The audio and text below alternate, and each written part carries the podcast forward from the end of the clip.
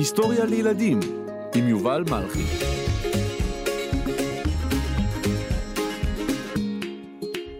אלן טיורינג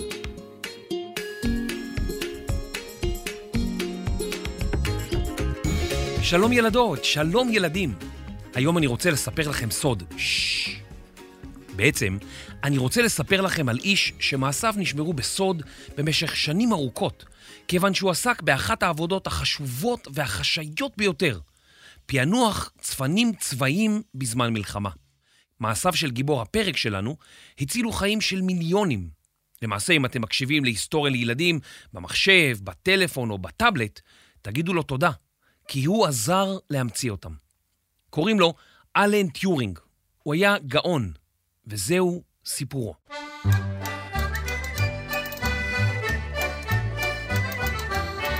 אלן מטיסון טיורינג נולד בשנת 1912 בלונדון שבבריטניה, בן שני לאביו יוליוס ולאמו אתל. באותן שנים, הודו הייתה עדיין חלק מהאימפריה הבריטית. אביו של אלן עבד בעיר מדרס שבהודו, והוריו נהגו לנסוע להודו לתקופות ארוכות. הם השאירו את אלן ואחיו הבכור ג'ון עם זוג מטפלים מבוגרים, הקולונל וגברת וורד.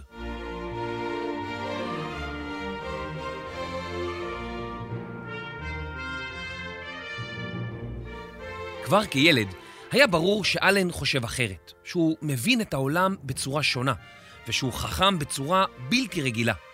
מנהלת בית הספר היסודי שלו אמרה, כבר היו לי פה ילדים חכמים, היו לי פה ילדים חרוצים, אבל אלן? אלן הוא גאון. דאון? מה, הוא, הוא היה דאון? או, שלום פיצקי, מה העניינים?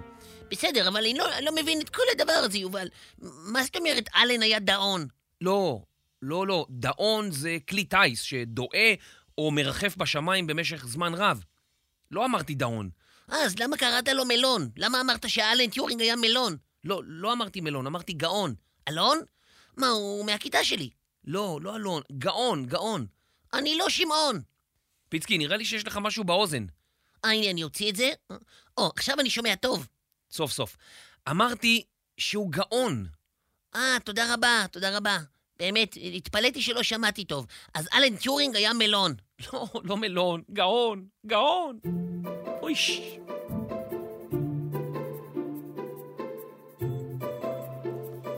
מגיל צעיר, אלן התעניין במתמטיקה ובמדעים. הוא רצה להבין איך העולם פועל, ומה החוקים שמניעים אותו. זה אולי יישמע לכם מוזר, אבל רוב המורים שלו בכלל לא התרשמו מהחיבה שלו למדעים. למעשה, הם התאכזבו מכך שהוא התעניין בספרות, בהיסטוריה ובשפות עתיקות, למשל יוונית ולטינית. באותן שנים, עניין במדעים נחשב כמעט מגונה. לא בסדר. כשאלן הנער התחיל לפתור בעיות מורכבות במתמטיקה, המורים שלו מיד כתבו להוריו. אבל במקום לכתוב, הילד שלכם גאון, כמה נפלא, בואו נראה איך אפשר לתמוך בו ולקדם אותו. הם כתבו כך: אם אלן יישאר בבית הספר שלנו, הוא צריך לשאוף להיות מחונך במקצועות הקלאסיים. אם הוא רוצה להתמחות במדעים, הוא פשוט מבזבז את זמנו. טוב חברים, היום אנחנו רוצים להקים אה, גשר חדש. בואו ניקח את הגשר ונתחיל לבנות אותו. אבל אה, איך נבנה את הגשר? צריך לעשות כל מיני חישובים, לא? לא צריך כלום, רק צריך לדעת שגשר בלטינית זה pontis. בואו נבנה pontis. כן, אבל איך נבנה אותו בדיוק? כמה חומר צריך ואיזה משקל הוא צריך לתת? או, זה שטויות, זה לא משנה. פשוט תתחילו לשים את הדברים ותגידו pontis, הנה, שימו פה, ככה. אוי, הברוך, הכל התפרק. אוי, אוי, אוי, אוי, אוי. טוב, כנראה שלהגיד pontis, גשר בלטינית, זה לא מספיק. צריך באמת חישובים. אבל מי יודע פה לעשות חישובים? מי? מי? לטיורינג לא היה קל בבית הספר. מוקף במורים שזלזלו בכל מה שעניין אותו, ושלא אתגרו את יכולותיו המדעיות. אבל היה לו חבר טוב, חבר נפש, שחלק עמו את ההתעניינות במדעים. החבר, כריסטופר מורקום, או בקיצור, קריס, הכיר לטיורינג את נפלאות האסטרונומיה, חקר החלל, וטיורינג הכיר לכריס את קסמי המתמטיקה. הם בילו את כל זמנם יחד, בספרייה, במעבדות הכימיה, בהאזנה למוזיקה, במחקר, בקריאה ובשיחות. הם עודדו זה את זה, ותמכו זה בזה. אבל כשטיורינג היה בשנתו האחרונה בבית הספר התיכון, חברו הטוב הלך לעולמו במפתיע. ליבו של טיורינג נשבר, והוא כתב לאמו של כריס: בנך היה האדם האהוב עליי בעולם. לא הייתי יכול למצוא עוד בן ברית מבריק ומקסים כל כך.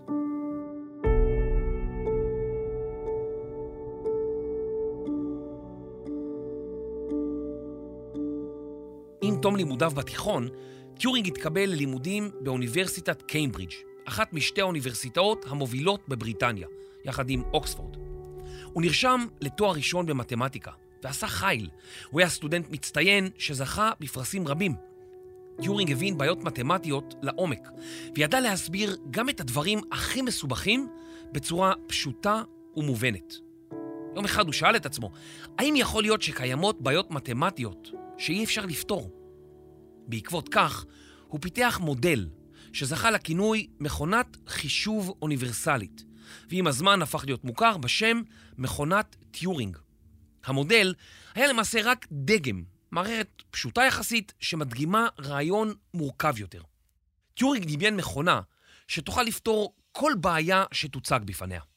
כל עוד הבעיה תוצג בצורה ברורה ובשלבים. בעצם, במונחים של ימינו, הוא דמיין מחשב. המאמר הראשון על ההמצאה הזו נחשב כאחד המאמרים המשפיעים ביותר בהיסטוריה, וכצעד חשוב ביסוד מדעי המחשב. לאחר שהשלים תואר ראשון באוניברסיטה, ומיד אחריו גם תואר שני, נסע טיורינג לארצות הברית, לאוניברסיטת פרינסטון, להשלים תואר שלישי, דוקטורט, תחת הנחייתו של אחד המתמטיקאים החשובים בעולם, אלונזו צ'רץ'. בארצות הברית הוא למד גם קריפטולוגיה, כלומר פענוח צפנים. לאחר שסיים את הדוקטורט, הוא חזר לבריטניה והחל לעבוד כמרצה בבית הספר לקידוד והצפנה. ואז בשנת 1939 פרצה מלחמה, מלחמת העולם השנייה.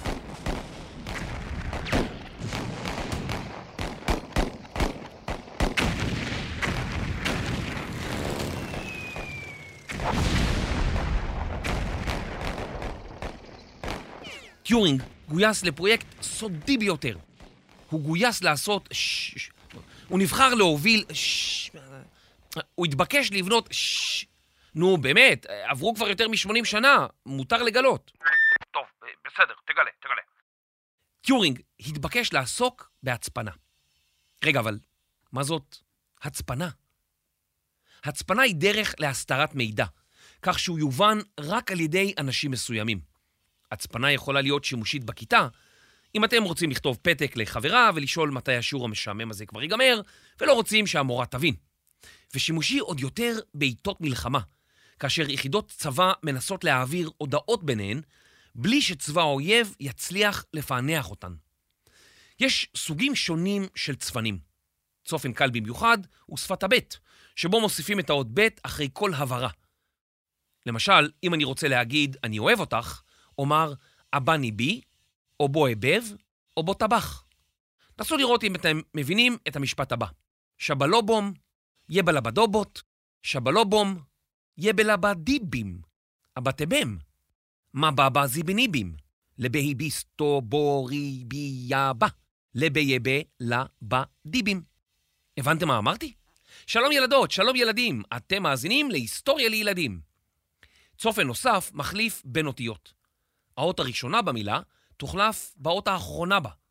אם ארצה להגיד יובל מלכי, אומר לו ביה לכם. אם ארצה להגיד מדינת ישראל, אומר תדינם לשרי. אם ארצה להגיד אבא נתן תות, אומר אבא נתן תות. אוי, זה לא עבד. יוליוס קיסר, מנהיג רומא לפני כאלפיים שנה, נהג לתקשר עם מפקדיו בעזרת צופן שכונה צופן קיסר. צופן שבו כל אות מוחלפת על ידי אות אחרת, שנמצאת ממנה במרחק של כמה אותיות. למשל, שלוש. אז א' תהיה ד' וב' תהיה ה'. אם ארצה לכתוב בתת המלוכה, אכתוב הללך אז. אני מאוד מאוד אוהב לאכול על הלך, אז. ויש עוד שיטות. נגיד שנקבע צופן שבו נחליף מילים. את המילה הסכת נחליף במילה מגבון. את המילה היסטוריה נחליף במילה טוסיק. ואת המילה ילדים נחליף במילה בבון. וכך, מי שידע את הקוד ידע שכשאני אומר, האם אתם מאזינים למגבון טוסיק לבבון, אני בעצם מתכוון להסכת היסטוריה לילדים. מי שלא יחזיק במפתח לצופן הזה, לעולם לא יבין על מה אנחנו מדברים. ויש צפנים כל כך מורכבים, שכמעט בלתי אפשרי לפצח אותם. לפענח צפנים מורכבים זה מסובך, מסובך מאוד. אלן טיורינג התבקש להוביל צוות בריטי של מפצחי צפנים, במטרה לבנות מכונה שתפענח את ההצפנה הצבאית הגרמנית, שהייתה מורכבת מאוד. אבל אם הבריטים יצליחו, הם ידעו בכל רגע מה יהיה הצעד הבא של הגרמנים, ויוכלו להתכונן אליו. הצלחה הייתה יכולה לשנות את כל מהלך המלחמה. הפרויקט שהפעילה יחידת המודיעין הבריטית לפענוח צפנים פעל במקום בשם בלצ'לי פארק, אחוזה מפוארת לא רחוק מלונדון. הניסיון לפענח את הצופן הגרמני היה אחד הסודות הכמוסים של הבריטים, אחת המשימות הסודיות ביותר בכל המאמץ המלחמתי. והוא הצריך גאונים, כמו טיורינג. הגרמנים השתמשו במכונת הצפנה בשם אניגמה, מילה שמשמעותה היא חידה או תעלומה. המכונה הזאת הפכה אותיות ומילים לרצפים של סימנים. את הצופן שבו השתמשה המכונה אי אפשר היה לפענח בקלות. דף ועט וקצת סבלנות, ואפילו היגיון בריא, לא הספיקו. רחוק מזה. למעשה, רק מי שהחזיק בעוד מכונת אניגמה היה יכול לפענח את הצופן ולקרוא את ההודעה. לבריטים כמובן לא הייתה מכונת אניגמה כזו, אז הם נאלצו להמציא משהו אחר, שינסה לפענח את הצופן. משהו שעדיין כמעט ולא היה קיים בעולם. משהו שנקרא מחשב.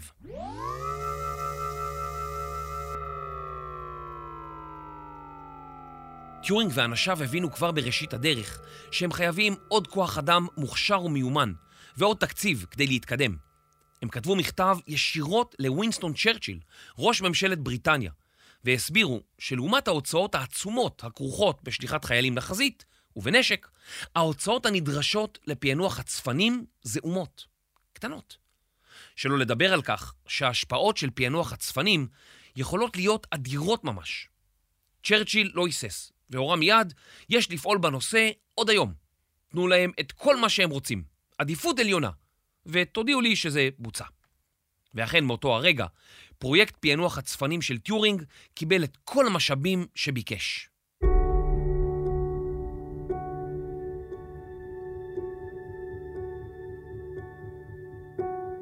בעיתונים הבריטים פורסמו כל מיני מודעות. דרושים אנשים שאוהבים לפתור בעיות מתמטיות ואפילו תשבצים. האנשים התנדבו, אבל הם לא ידעו אפילו למה. עד שהגיעו לבלצ'לי פארק. תפקידו של טיורינג בבלצ'לי פארק היה להוביל את בניית המכונה שאליה יוזנו המסרים המוצפנים והלא קריאים שהגרמנים שלחו זה לזה, ושהבריטים הצליחו לקלוט, אך לא לפענח. המכונה שבנו טיורינג וצוותו ביצעה סדרה של חישובים מורכבים להפליא, ניסתה טריליון אפשרויות שונות. ולבסוף, כן כן, גילתה את הקוד ופענחה את המסרים המוצפנים. זה הצליח. טיורינג ואנשיו פענחו יותר מ-80 אלף תשדורות צבאיות גרמניות בכל חודש. מהירות הפענוח הייתה חסרת תקדים. לפעמים הצליחו לפענח את השדרים אפילו רבע שעה לאחר ששודרו. אבל למרות שהבריטים פענחו מאות אלפי תשדורות, הייתה להם בעיה. כמה אפשר לאכול פיש אנד צ'יפס? פיש אנד צ'יפס, פיש... אה, לא, לא, זאת בעיה אחרת. כן. האוכל שלהם, לא היה בו מספיק טעם. הוא... לא, לא, זאת בעיה אחרת, סליחה. אה, כן. איך מסתירים מהגרמנים את העובדה שהצופן שלהם פוענח? הרי אם הבריטים היו ממהרים לעצור כל מתקפה גרמנית, הגרמנים היו מבינים מיד שמשהו לא בסדר. אולי הם היו חושדים שלבריטים יש מרגל, ואולי היו מבינים שהבריטים פענחו את הצופן ומפסיקים להשתמש במכונה. אולי היו מחליפים שיטת הצפנה, והבריטים היו מאבדים את מקור המידע העיקרי שלהם. לכן, כדי לא לחשוף את העובדה שהם קוראים את הודעות הצבא הגרמני, הבריטים נאלצו לא פעם לספוג מתקפות שידעו עליהן מראש. אבל הבריטים אט אט החלו להקשות על הצבא הגרמני, להפציץ ולהטביע ספינות. ובזכות המידע החשוב, הם הצליחו בסופו של דבר לנצח במלחמה. היסטוריונים מעריכים שבזכות עבודתו של טיורינג, המלחמה התקצרה בכשנתיים, ואולי אפילו ארבע שנים, דבר שהציל את חייהם של מיליוני בני אדם. טיורינג לא רק עזר לפצח את הצפנים הגרמניים, אלא פיתח מודלים שעזרו לבריטים לפצח צפנים אחרים, גם אחרי המלחמה.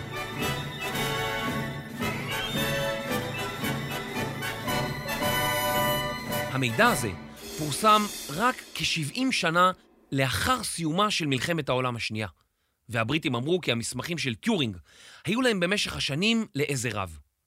נציגי יחידת פענוח הצפנים הבריטית אמרו סחטנו מהמסמכים של טיורינג את כל המיץ.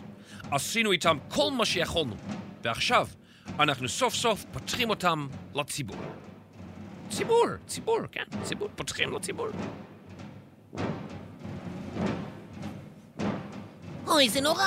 או, שלום פיצקי, מה העניינים? שלום, יובל. אוי, זה פשוט נורא. מה נורא? מה, מה? אתה מספר סיפור ולא יודע מה אתה מספר. דווקא אני יודע די טוב, אני חושב. נו, אז מה אמרת? לא יודע. אמרת שהבריטים סחטו את המיץ מהמסמכים שלו. נו, נו, ניסית פעם לשתות מיץ נייר? מילא הם היו סוחטים תפוז. לא, לא, זה לא, זה לא ככה. או אשכולית, או מיץ גזר. יובל, ניסית פעם לשתות מיץ מסמך? לא, פיצקי, לא. אז אתה צודק.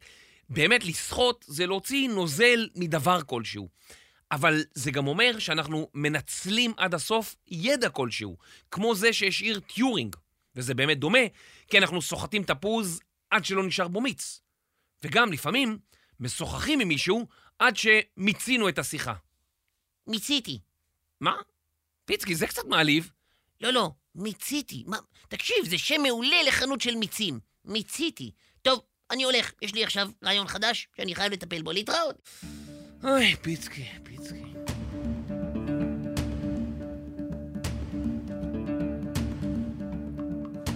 לא רק המוח של טיורינג רץ מהר, הוא היה ספורטאי מצטיין שאהב לרוץ למרחקים ארוכים, והתמחה בריצות מרתון.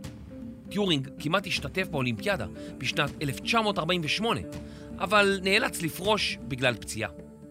המרחק בין בלצ'לי פארק לבין מרכז לונדון היה 64 קילומטרים, כמו ריצה של מרתון וחצי. לא פעם, כדי להגיע לפגישות בלונדון, טיורינג היה רץ את המרחק הזה. כששאלו אותו מדוע הוא רץ ולא נוסע במכונית או ברכבת, הוא הסביר: הריצה עוזרת לי להשתחרר. כיוון שהעבודה שלי כל כך מלחיצה, אני חייב לרוץ רחוק ומהר לאמץ את עצמי. רק כך אני זוכה בקצת רגיעה. ומה איתכם, ילדים וילדות? אתם לפעמים רצים? נסו לפעמים לרוץ אפילו לא למרחקים ארוכים, מרתון, מרחק קצר, קילומטר או שניים, ותראו מה זה עושה לגוף שלכם. אחרי המלחמה, טיורינג המשיך לעבוד בתחום המחשבים, ופיתח תוכנות עבור אחד המחשבים הראשונים בעולם. הוא הבין שככל שיעבור הזמן, המחשבים ילכו ויהיו יותר מתוחכמים, ולכן התעניין בשאלה האם מחשב יכול לפתח אינטליגנציה משלו, והאם נגיע למצב שבו לא נוכל להבדיל בין אדם ובין מחשב. כדי להתמודד עם הרעיון הזה, הוא פיתח את הרעיון של משחק החיקוי. היום אתם אולי מכירים אותו בשם מבחן טיורינג. הוא קבע שאם אדם ישוחח עם מחשב ולא יצליח להכריע מתוך התשובות שהוא מקבל, האם מדובר במחשב או באדם, הרי שאז אפשר להגיד שהמכונה חושבת כמו בן אנוש. טיורינג גם עסק בבניית תוכנה שתלמד מחשבים לשחק שחמט. טיורינג ואחד הסטודנטים שלו פיתחו את התוכנה הראשונה בעולם שעשתה זאת, עוד לפני שהומצא מחשב חזק מספיק כדי להריץ אותה. תוכנה בלי מחשב. והנה סיפור קצר ומשעשע על טיורינג. במהלך מלחמת העולם השנייה, טיורינג רצה להחביא את כספו. הוא רכש שני מטילי כסף כבדים. חתיכות של מתכת כסף טהור ששוות הרבה מאוד כסף. הוא החביא אותם ביער סמוך לבלצ'לי פארק, וכתב הוראות מוצפנות כיצד למצוא אותם. לאחר המלחמה הוא רצה להוציא אותם מהאדמה, אבל מפענח הצפנים הגאון גילה שהסביבה השתנתה. עצים נכרתו, בתים נבנו באזור, וחלק מהרמזים שלו כבר לא היו רלוונטיים. טיורינג ערך מסעות באזור עם מגלי מתכות במשך זמן רב, אך מטילי הכסף לא נמצאו מעולם. בשנים האחרונות של חייו עסק טיורינג בתחומי מדע שונים, למשל כימיה וביולוגיה, כיוון שהוא רצה להסביר איך הטבע פועל. הוא כתב מאמר פורץ דרך שניסה להסביר כיצד נוצרים פסים, כתמים וספירלות בטבע, כמו למשל על אורם של בעלי חיים. בשנת 2023 הריצו ניסוי מורכב שעזר להוכיח כי המודל שלו היה מדויק.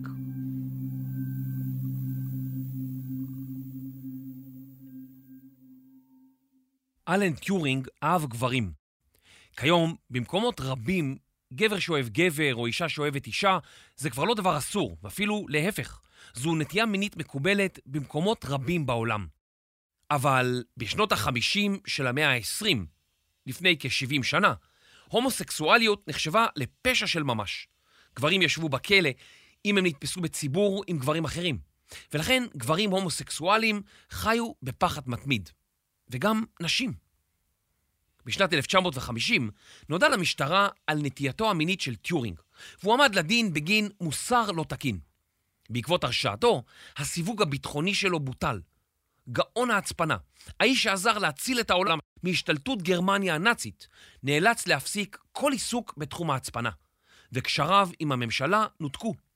אפילו הוצמד אליו עוזר מחקר, שהיה למעשה סוכן של שירות הביון הבריטי, שפיקח על כל צעדיו של טיורינג. אלן טיורינג הוכרח לעבור טיפול שהיה אמור לפתור את המשיכה שלו לגברים. זה היה טיפול כואב, עם תופעות לוואי. הם השפיעו לרעה על גופו ועל נפשו. לאחר שנתיים של כאבים וניתוק מחבריו ומעבודתו, הוא שלח יד בנפשו כשהוא בן 41 בלבד.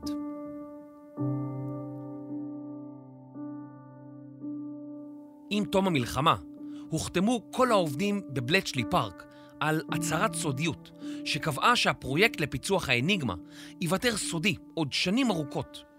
כיוון שהפרויקט היה סודי כל כך, פועלו של טיורינג כלל לא היה ידוע. אבל ככל שחלפו השנים, מידע על הפרויקט החל להיחשף לציבור, ואנשים הבינו לראשונה את גאוניותו של האיש ואת התפקיד העצום שמילא בתקופת המלחמה. אט אט גברה ההבנה כי נעשה לו עוול נוראי.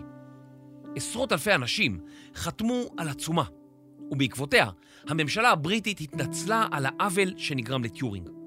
בשנת 2009, 54 שנים לאחר מותו של טיורינג, מי שהיה אז ראש ממשלת בריטניה, גורדון בראון, אמר בשם ממשלת בריטניה ובשם כל מי שחיים חיי חירות בזכות עבודתו של טיורינג, אני גאה לומר אנחנו מתנצלים. הגיע לך הרבה, הרבה הרבה יותר. סליחה. בראון המשיך ואמר, אין זו הגזמה לומר שבלעדי תרומתו יוצאת הדופן של טיורינג, ההיסטוריה של מלחמת העולם השנייה הייתה יכולה להיות שונה מאוד. טיורינג הוא אחד הבודדים שניתן להצביע על תרומתם האישית לשינוי תוצאות המלחמה. התודה העצומה שאנו חייבים לו הופכת את היחס הבלתי אנושי שלו זכה לנורא עוד יותר. בראון הוסיף, אלן ואלפי הומוסקסואלים אחרים הורשעו בשל חוקי שנאה. במשך השנים מיליונים חיו בפחד בפני העמדה לדין. ההכרה באלן כקורבן, הקורבן הידוע ביותר של החוקים ההומופוביים, היא צעד נוסף לקראת השוויון, שהיה אמור להיות כאן מזמן. בשנת 2013 בעקבות המשך הלחץ הציבורי, המלכה אליזבת השנייה העניקה לטיורינג חנינה לאחר המוות, ומחקה את הרשעתו. הצעד הזה נתפס כעוד מחווה, גם אם קטנה מדי ומאוחרת מדי, כלפי האיש שנענש שלא בצדק. בנוסף, הועבר בפרלמנט הבריטי חוק שזכה לכינוי חוק אלן טיורינג. בהשראת החנינה של טיורינג, החוק העניק חנינה קולקטיבית לכמעט 50 אלף גברים, הומוסקסואלים, גברים שאהבו גברים אחרים, שהורשעו בעבירות דומות באותן שנים. כמה שנים מאוחר יותר, ביום הולדתו של טיורינג, קבעה הממשלה כי דמותו תתנוסס על שטר של 50 לירות סטרלינג. במשאל ציבורי שנערך בבריטניה, נבחר טיורינג כאדם הדגול ביותר במאה ה-20. הפרס היוקרתי והחשוב ביותר במדעי המחשב בבריטניה קרוי על שמו, אלא מה? ומאז שנות ה-90, תחרות שנתית הקרויה על שמו מזמינה אנשים לבנות מחשבים שינצחו במבחן טיורינג. יגרמו לבני האדם שמשוחחים איתם לחשוב שהמחשבים הם בעצם בני אנוש. עד כה, אף מחשב שהתמודד בתחרות לא הצליח לנצח במשחק החיקוי ולעבור את מבחן טיורינג. אבל אולי זה יקרה בקרוב? אולי אפילו בקרוב מאוד? מי יודע? בשנת 2020, בחודש הגאווה, המציין וחוגג את גאוותם של גברים הומוסקסואלים ונשים לסביות, גברים שאוהבים גברים ונשים שאוהבות נשים, באותו חודש הציגה ענקית המחשוב מייקרוסופט את השם החדש לרחוב המוביל אל בנייניה בעיר הרצליה, רחוב אלן טיורינג. אנחנו נרגשים להציג את שמו החדש של הרחוב, רחוב אלן טיורינג, על שם האיש שניסו לגזול ממנו את הגאווה. אבל ההיסטוריה לא שכחה. אלן טיורינג סלל את הדרך לעולם המחשוב של ימינו. הוא חשב על מחשבים ועל בינה מלאכותית לפני שאנשים אפילו דמיינו את העולם הזה, וששילם מחיר כבד עבור נטייתו המינית. את תרומתו למדעי המחשב אפשר להקביל לתרומתו של אלברט איינשטיין לפיזיקה. גאון הצפנה מוכשר, שעבודתו עזרה להציל מיליונים. אלן טיורינג, איש ואגדה. מחקר וכתיבה בצופן שהיה קשה לי לפענח. תמר נויגרטן פולגר. עריכה, קריינות ורץ שניים שלושה מרתונים ביום. יובל מלכי. עריכת תוכן ולשון, ועברה בהצלחה את מבחן טיורינג. דינה בר מנחם. עיצוב פסקול ומיקס בעזרת תוכנת אודיו בלטינית. רוני קלדרון. הפקה, והאנשים שתמונתם מתנוססת על שטר של חמש אגורות. אייל שינדלר, טל ניסן ורני שחר. אני יובל מלכי, היסטוריה לילדים וילדות. מפענחים ומפענחות. רגע לפני שאתם הולכים, אני מקווה שנהניתם מהפרק. וואו, כבר עונה עשירית. נשמח מאוד אם תדרגו אותנו באפל ובספוטיפיי, ואפילו כתבו משהו קצר על הפודקאסט. זה עוזר לנו מאוד. נשמח לראות אתכם בקבוצת הטלגרם שלנו, היסטוריה לילדים, ואתם מוזמנים להאזין לפרקים נוספים של היסטוריה לילדים בכל יישומוני ההסכתים, יישומון כאן וכאן לרכב. תודה. היי, פיצקי, מה אתה עושה? זה התפקיד שלי. טוב, עשית את זה כל כך יפה. נשיר, נשיר.